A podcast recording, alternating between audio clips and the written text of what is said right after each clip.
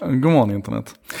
En sak idag ska handla om humor, eller nej, det ska handla om eh, när man försöker göra sig lustig över tekniken och det kanske inte landar riktigt rätt, inte i mina ögon i alla fall. Och jag ska säga så här, jag betraktas nog inte som speciellt humorbefriad. Eh, jag tycker att man kan skoja om det mesta, även teknik. Ehm, men om vi säger så här, här är någon som försöker göra sig lustig, skriver så här. Have you ever thought about the fact that if self-driving cars become a norm, when people get heart attacks it won't cause accidents. Corpses will just arrive at their destination and sit there until somebody notice. Den här flyger runt nu. Och det, visst, tanken är ju ungefär så här att om, om om bilarna blir självkörande och människor får en hjärtattack i bilen så kommer de inte att krocka längre som de gör idag utan de kommer att åka dit de ska och sen så kommer de att, att sitta där döda i bilen till någon upptäcker dem.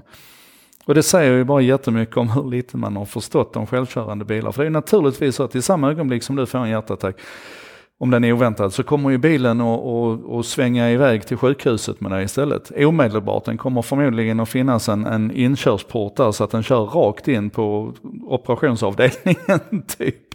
Eller intensivvården i alla fall. Det är klart att bilen kommer att fatta att du har fått en hjärtattack. Och redan, även där är det liksom för grunt. Va? För att bilen kommer ju förmodligen tillsammans med dina smarta prylar och, och, allt den vet om dina levnadsvanor och så vidare. Den kommer ju ha detekterat långt innan du får en, en hjärtattack att du är i riskzonen att få en hjärtattack. Och då börjar det bli intressant, för vad gör den bilen? Vad gör den bilen som, som anar att om min, eh, inom citationstecken, ägare här om den, eller bil som en tjänst, om den personen som just nu sitter i mig har en, en track record, ett levnadsmönster och dessutom börjar uppvisa tecken på att inom ett par månader kunna få en hjärtattack eller en hjärtinfarkt.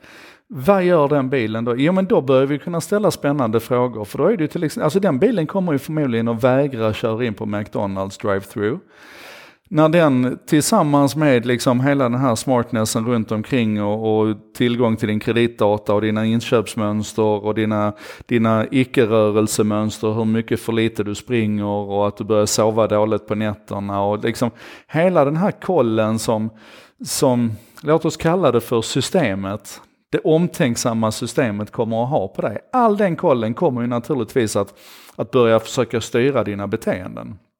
Precis som Apple Watchen idag talar om för mig en gång i timmen att jag ska ställa mig upp eller att den talar om för mig att nu är det dags att dricka. Så kommer ju det bara bli mer och mer av det. Och då är det ju inte den här sortens frågeställningar som vi behöver ägna oss åt. Vi kan skratta åt dem och sen lägga dem åt sidan för de är helt irrelevanta. Utan frågeställningen är ju naturligtvis, hur kommer det att kännas den dagen du hoppar in i en, ett självkörande fordon och, och, och säger kör mig till McDonalds för jag är ju sugen på en dubbel Big Mac.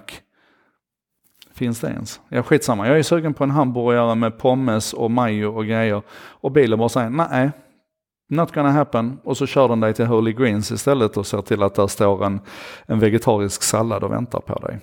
Det är ju det scenariot som vi behöver klura på runt självkörande bilar. Och nu är det, nu är det fritt fram för vem som helst och, och både förklara att jag är fullständigt humorbefriad, att jag eh, men vi kan väl göra så här istället, ni kan väl hitta på era bästa riktiga självkörande bilar-skämt.